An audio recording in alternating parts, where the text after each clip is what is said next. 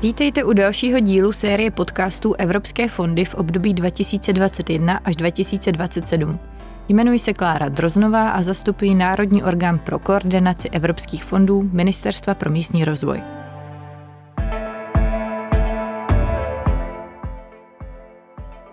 Společně se se svými hosty snažíme postupně přiblížit evropské fondy a představujeme vám oblasti, které vás mohou inspirovat k realizaci třeba i vašeho projektu. Dnešní díl bude trochu obecnější povahy.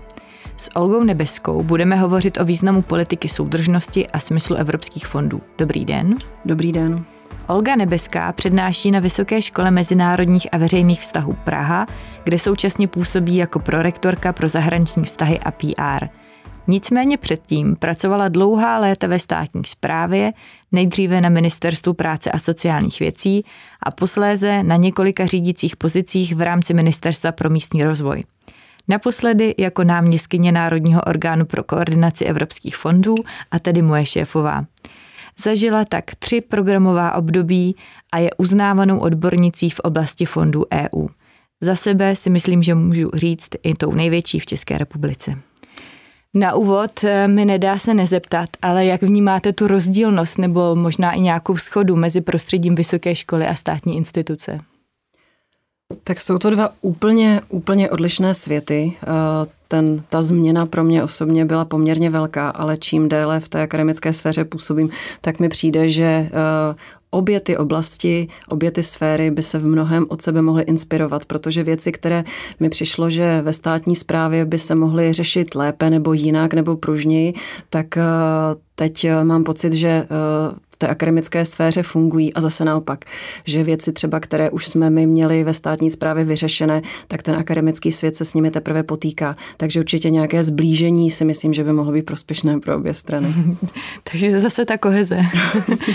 to je krásný oslý můstek k mé první otázce a, a to je, že Česká republika se momentálně chystá na zahájení programového období eh, pro roky 2021-2027 čili již čtvrtého od vstupu České republiky do Evropské unie. V čem vidíte smysl Evropské unie obecně a co si o evropských fondech myslíte? Nebo možná třeba mění se to i v čase, to vaše vnímání?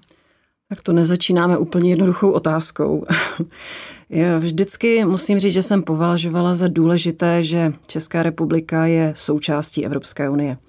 Já jsem měla možnost být už u přípravy na vstup do, do Evropské unie, potom v podstatě po celou dobu, kdy jsme si zvykali na to, jaké to vůbec je být Evropany, tak jsem byla u toho.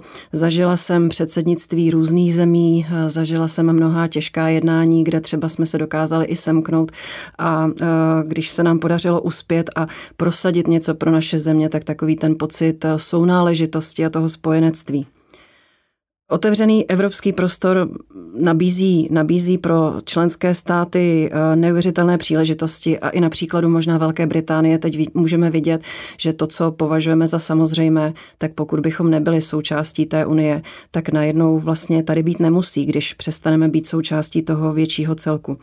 Ale upřímně úplně asi nejsem teď eh, stoprocentně spokojená a šťastná z vývoje, který ta Evropská unie teď eh, vlastně nabírá, který můžeme sledovat. Eh, reguluje se víc, reguluje se hlouběji, Pořád chybí digitalizace, je obrovský tlak na přijetí opatření na ochranu klimatu, veškeré konání musí být neutrální, vyvážené, chce se mi skoro říct až jaksi bezbarvé nebo sterilní. A jako občan se tedy dostávám do takového jako lehce skeptického módu, že tohle to není úplně ta Evropská unie, která se mi líbí a kterou bych pro svoje eh, děti a pro sebe chtěla. Ale i přesto všechno jsem přesvědčená, že je pro Českou republiku výhodné být součástí toho evropského uskupení. Ale k fondům. Evropské fondy jsou pro Českou republiku nepochybně velmi důležité téma. Evropské fondy, i když v minulosti jsme se nedokázali vyvarovat mnoha a někdy i velkých chyb, tak nám pomohly v mnoha věcech. Jedna věc jsou, bych to jakoby rozdělila, jedna věc jsou takové ty, jak se říká v tom eh, odborném žargonu, přínosy v území, to znamená dopady těch jednotlivých projektů, kterých dneska řádově, pokud eh, dobře počítám, tak už se blížíme ke 400 tisícům od doby, kdy jsme do Unie vstoupili.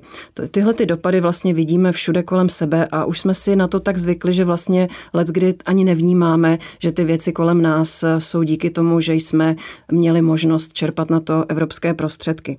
Ale co bych tady chtěla zdůraznit, o čem eh, si myslím, že se tolik nemluví, tak jsou takové ty přínosy, které na první pohled jsou ještě méně viditelné. A já to pro sebe nazývám určitou jakoby štábní kulturou ve státní nebo veřejné správě. Ty části státní zprávy, které se zapojily do administrování evropských fondů, tak se velice rychle museli adaptovat na tempo a vůbec způsob, jakým se tyhle prostředky spravovaly a rozdělovaly. A to nám přineslo mnohé nové prvky, eh, které ve státní správě předtím nebyly a které určitě jsou dobrým krokem k budování kvalitní a klientsky orientované veřejné zprávy. A i když je třeba nemáme všechny ještě úplně odladěné, třeba služební zákon, tak přesto si myslím, že ty přínosy pro tu státní zprávu jsou nespochybnitelné a jsou tady, i když jsou třeba vidět méně než takové ty přímé dopady těch eh, projektů, to znamená ty postavené, eh, postavené sportovní eh, haly nebo kilometry dálnic, silnic a podobně. Hmm. To je určitě zajímavé zamyšlení i, i pro mě, jako pro vlastně toho dělníka té, té, té státní zprávy. Takhle jsem o tom nikdy nepřemýšlela. V tom pro to nové programové období jsme si dokázali vyjednat skoro bilion, bilion korun Zůstáváme tedy i nadále v pozici čistého příjemce, což, eh, jak jste zmínila, jsou vlastně ty eh, benefity, které jsou poměrně snadno vidět a snadno, snadno viditelné. Ale když bychom trošku zazumovali v rámci České republiky a podívali se do, do regionů, viděla byste nějaký konkrétní přínos právě pro ně? Tak kohezní politika historicky vznikala jako nástroj, který měl řešit problémy, které eh, vyplynuly z toho, že evropské společenství se rozšiřuje. Logicky byly rozdíly mezi zeměmi, které nově přistupovaly, které už eh, v evropských, v evropských společenstvích byly a právě kohezní politika měla tě, tyto rozdíly stírat, aby se všechny země dostaly na nějakou srovnatelnou, respektive eh, aby se přiblížili, přiblížili evropskému průměru co do vyspělosti. My jsme do Unie vstupovali už před téměř 20 lety a i po těch bezmála 20 letech se domnívám, že pořád přetrvávají rozdíly eh, jak mezi námi a členskými státy, tak eh, i mezi našimi regiony uvnitř České republiky. Jenom se možná mění podoba nebo struktura těch rozdílů v čase. Eh, vždycky jsme patřili mezi země, které eh, s každou finanční perspektivou získaly poměrně velké množství finančních prostředků. My, my a Polsko jsme vždycky byli jako těmi zeměmi, které eh, v těch přepočtech profitovaly nejvíce.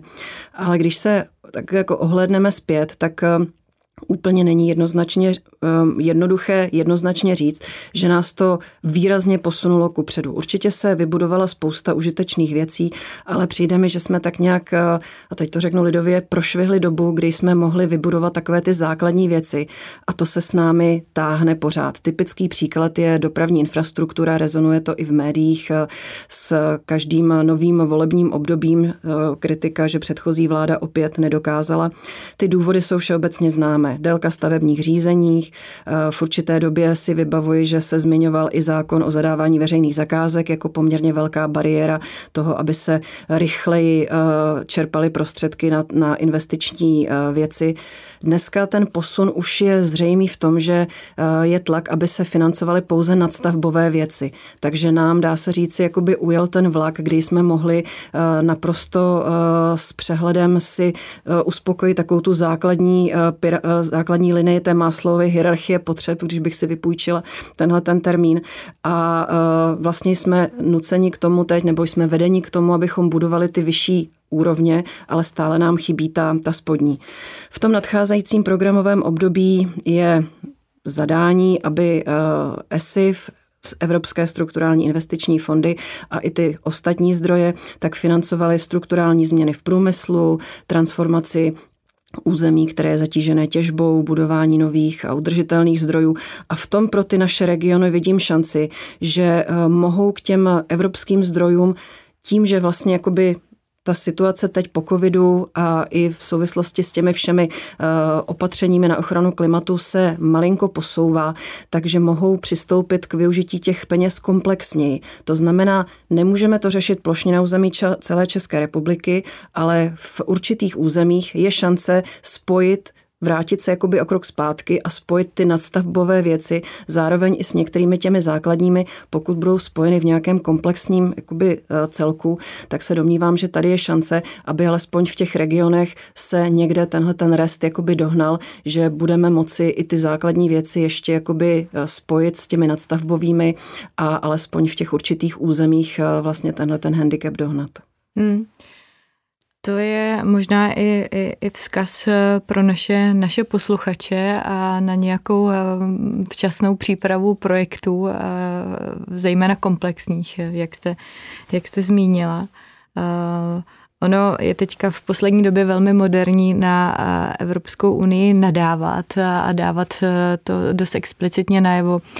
E, teď jsme tu měli hosty z Evropské komise a oni byli hrozně překvapení, kolik po České republice je tabulek s přeškrtnutou vlaječkou EU a nápisy nebylo financováno z peněz, z peněz EU a vlastně se ptali, co k tomu jakoby motivuje ty, ty české občany a to je hrozně jako trošku šokující otázka, protože neumíte vůbec, vůbec odpovědět, eh, co, co prostě ty lidi, lidi k tomu vede.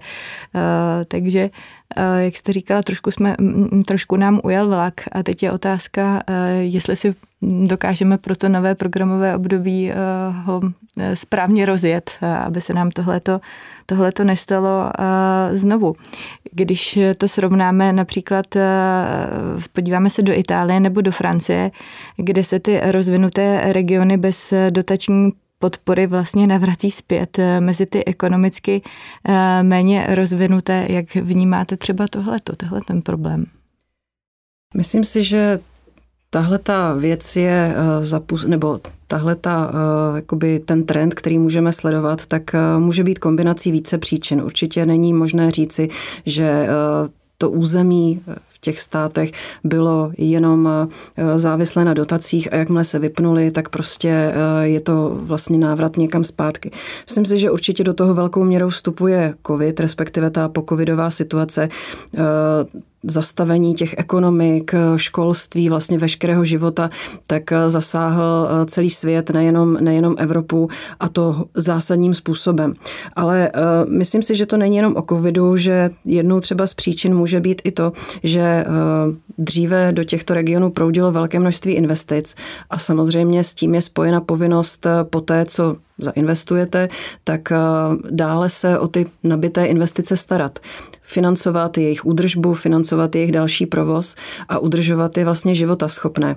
A pokud třeba v tom daném území bylo těch investic hodně, tak v kombinaci právě s těmi dalšími výdaji, které, které ta místní zpráva má, tak právě třeba údržba a financování těch, těch pořízených, pořízených věcí může být nad jejich poměry. Myslím si, že podobný trend určitě budeme moci si sledovat i u firm, které třeba v minulých letech si pořizovaly z evropských fondů eh, třeba vybavení, eh, nějaké nové přístroje eh, nebo modernizovali svůj provoz. Tam si myslím, že ta otázka může být stejná, pokud teď měli výpadek vlastně v prodeji, v příjmech, ubývali jim klienti a najednou budou muset ještě investovat investovat eh, do těchto věcí, aby se nedostali do většího finančního zadlužení s tím, že by třeba museli vracet eh, ty dotace, pokud by nedodrželi podmínky po tu stanovenou dobu v udržitelnosti. Takže si myslím, že tenhle ten problém jakoby z té státní nebo regionální úrovně se nám posune i na tu nižší úroveň příjemců.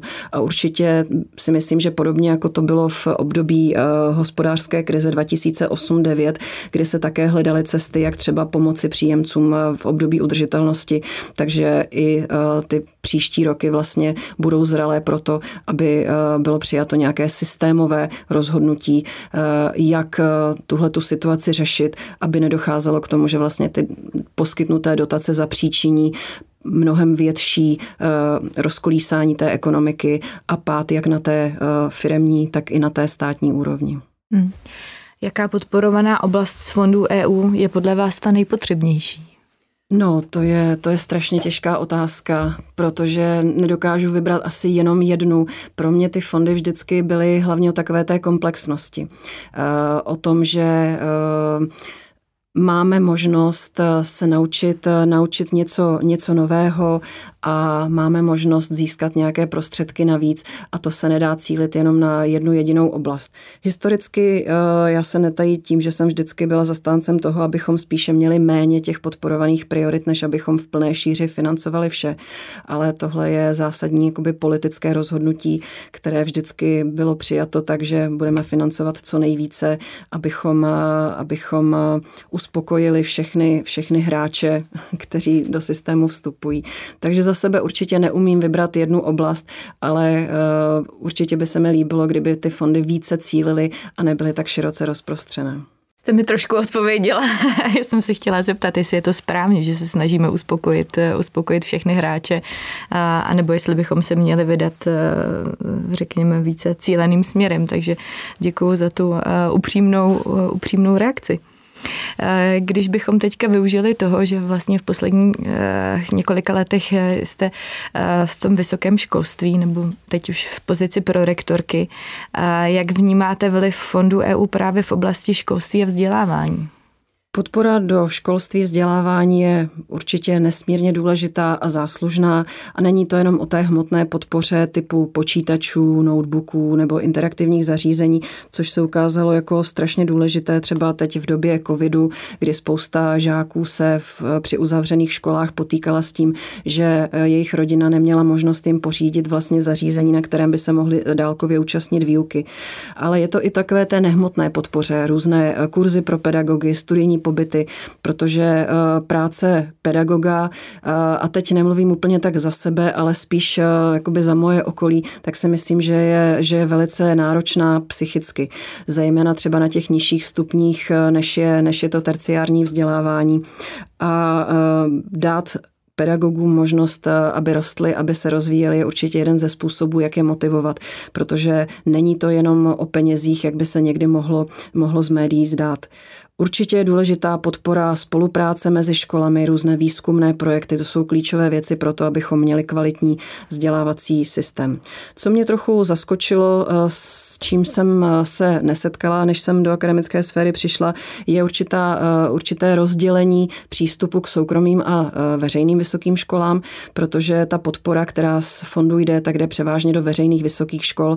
Ty soukromé jsou podporovány jenom minimálně, i když se domnívám, že v mnoha ohledech by si zasloužili snažili, aby i oni třeba byly zahrnuty, protože taková ta představa eh, mají školné, takže mohou všechno financovat sami, tak ta si myslím, že je velmi diskutabilní a že ty podmínky úplně, úplně rovné nejsou a pro ty soukromé školy je to v mnohem eh, o dost těžší než pro ty veřejné. Takže tady určitě bych nějaký prostor pro nějaké srovnání, vybalancování viděla, ale obecně si myslím, že ta podpora je rozhodně žádoucí.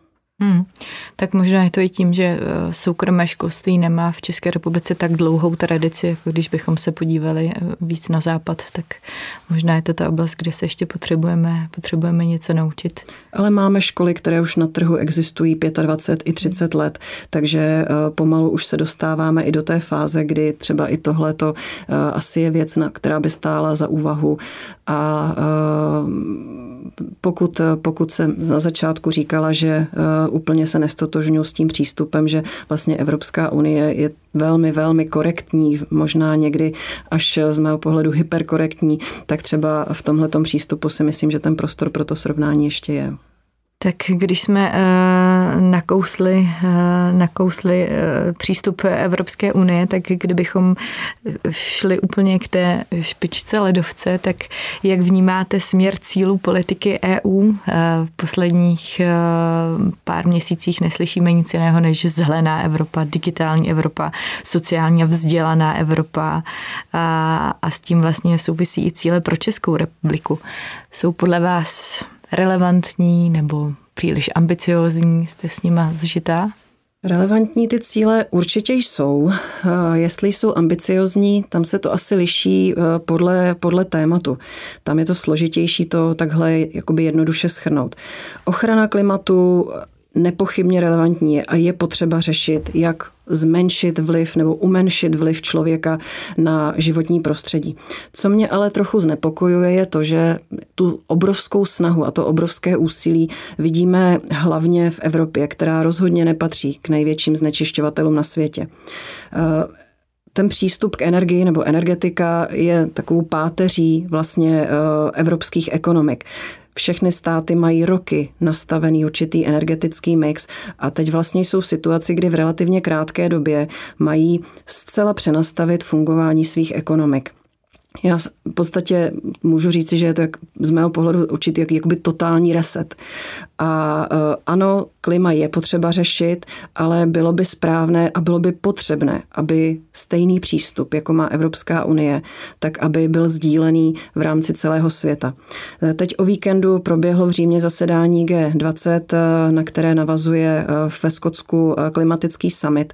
Zatím z těch prvních závěrů, které se objevovaly včera v médiích, tak to úplně nevypadalo, že by římské jednání nebo římské zasedání přineslo nějaké eh, zásadní posuny. Z mého pohledu zazněly takové ty obecné principy, obecné deklarace, eh, ale kromě daně pro velké firmy jsem nezaznamenala žádná konkrétní opatření nebo nějaké termíny. Eh, takže doufám, že COP26, který teď probíhá v Glasgow, tak v tomhle přinese trochu posun, protože pokud by v tom Evropa zůstala osamoceně s těmito svými ambiciozními cíly, tak se trochu obávám, aby ty dobré úmysly unijní se neproměnily v příčinu toho, že evropské státy ztratí svoji ekonomickou pozici, ztratí konkurenceschopnost a výrazně se zvýší kvalita života jejich obyvatel. Co mě osobně v tomhle ještě, eh, ještě jakoby hm, v této oblasti chybí, přijde mi, že eh, v rámci té podpory, která je připravována řešit veškeré ty klimatické změny, takže se nezaměřujeme na celý ten cyklus, který má přinést tu změnu. Když bych uvedla příklad eh, z mého okolí, který vím, že se intenzivně řeší, tak eh, budeme třeba financovat rekonstrukce, zlepšení železničních tratí, protože to je ekologičtější způsob dopravy, mělo by to snížit eh, objem vozů, které se pohybují, zejména tady nákladní dopravy, které se pohybují po silnicích, ale třeba už ta podpora nejde do nákupu ekologických vlaků, které by jezdily po těch, po těch tratích. A vzhledem vzhledem k tomu, jak, jaké jsou ceny za pořízení takovýchhle ekologických jednotek, tak si myslím, že je úplně nereálné se domnívat, že ten dopravce, který notabene je ještě jakoby postižený covidem, protože výpadek příjmů, malý objem veřejné dopravy v úplných dvou letech, takže si bude schopen poradit sám s nákupem vlastně jakoby třeba té flotily bez toho, že by tam byla nějaká podpora ze strany Unie. Takže my vlastně jakoby ten transformační krok podpoříme na půl, ale v té zbývající části, která už třeba není vázána na eh, veřejnou zprávu, která už je ponechána vlastně v tom eh, soukromém, v těch soukromých rukou, tak tam už čekáme, jak to dopadne. A tady toho se trochu obávám, protože potom ty efekty nemusí být takové, jaké, jaké bychom chtěli. Pokud je o digitalizaci, tak eh, to určitě relevantní je. A tady naopak bych se zase nebála výraznějších ambicí, protože mi přijde, že ta digitalizace, i když se o ní hodně hovoří, tak pořád je to eh, téma, kde málo kdo si uvědomuje ten obsah, který za tím pojmem je. Ty hrozby, které do budoucna se budou objevovat eh, a bude jich přibývat, tak rozhodně budou hrozby, které půjdou do toho světa digitálního prostředí. Stále nám chybí nějaké jednotné standardy, systémy systémy veřejné zprávy si spolu nepovídají, chybí osvěta, vůči, vůči obyvatelům, aby vůbec pochopili úskalí toho digitálního světa.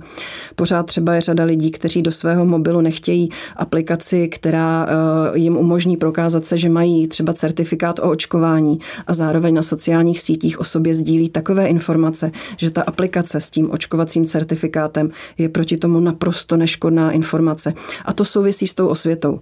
V legislativě máme třeba zakotvené právo na digitální služby, ale mě tam třeba recipročně chybí chybí uh, ukotvená digitální povinnost, protože musí být, eh, a o tom hovoří i právní teorie, pokud máte na jedné straně oprávnění, zároveň na té druhé straně musíte mít povinnost.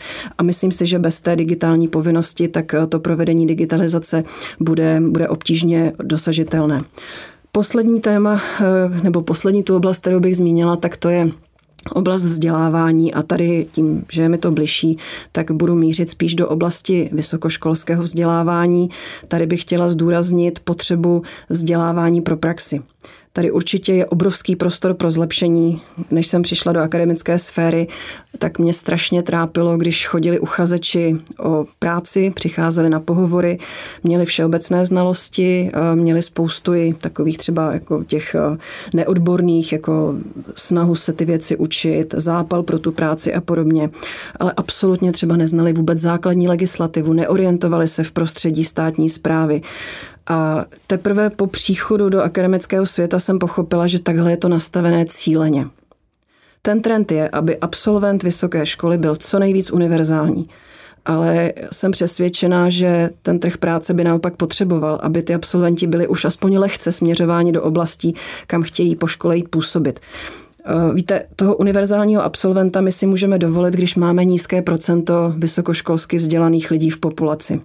Ale pokud cílem má být, že bychom měli mít třeba kolem těch 40 nebo i překročit 40% populace s vysokoškolským vzděláním, tak ten univerzální absolvent si myslím, že je luxus, který si nemůžeme dovolit. Když vás tak eh, poslouchám, tak eh, jsem nebyla dojmu, že nejen pro ČR, ale pro celou EU bude v podstatě nové programové období takovou výzvou, které se rozhodne, eh, zda ji obrátíme ve svůj prospěch a ne, abychom se stříleli do vlastní nohy. Je to tak. Um, abychom nekončili tak úplně, nechci říct negativně, ale celkem s napětím, uh, tak věřím, že nás poslouchají uh, i zájemci o evropské dotace se svými projekty uh, a myslím, že určitě od vás ocení nějakou radu, protože uh, máte zkušenost už z úplných začátků té projektové tvorby až, až vlastně do současnosti, tak s touto, s touto velkou zkušeností, co byste poradila našim posluchačům? Já bych asi navázala tam, kde jsme začínali. To znamená, já si dovolím propojit ten svět eh, té státní a té akademické sféry a asi bych eh, poradila to, co říkám i mým studentům. Buďte aktivní, nebojte se a nebojte se ptát. Protože jenom když porozumíte, proč ty věci děláte, tak můžete dělat ty věci smysluplně. A to platí i v těch evropských fondech. Děkuji za naše dnešní povídání a váš vhled do problematiky evropských fondů. Děkuji za pozvání. Já již jen doplním, že aktuální informace o přípravě nového období, včetně přehledu jednotlivých programů, naleznou posluchači na webové stránce dotaceeu.cz. Najdete tam i poslední výzvy končícího období a na konci letošního roku i avíze připravovaných výzev v programu nového období, které budou vyhlášeny v první polovině roku 2022. Zájemci o více informací mohou volat na bezplatnou informační linku Eurofon na číslo 800 200 200 nebo kontaktovat některou z regionálních poboček sítí Eurocenter. Té naleznete v každém krajském městě a kontakty jsou i na webu dotaceeu.cz. Poslouchali jste další díl podcastu Evropské fondy v období 2021 až 2027. Zůstaňte s námi a nenechte si utéct i další díly z prostředí evropských dotací. Výroba podcastu byla podpořena prostředky z Fondu soudržnosti Evropské unie, konkrétně z operačního programu Technická pomoc. Naslyšenou a za Ministerstvo pro místní rozvoj se s vámi loučí Klára Droznová.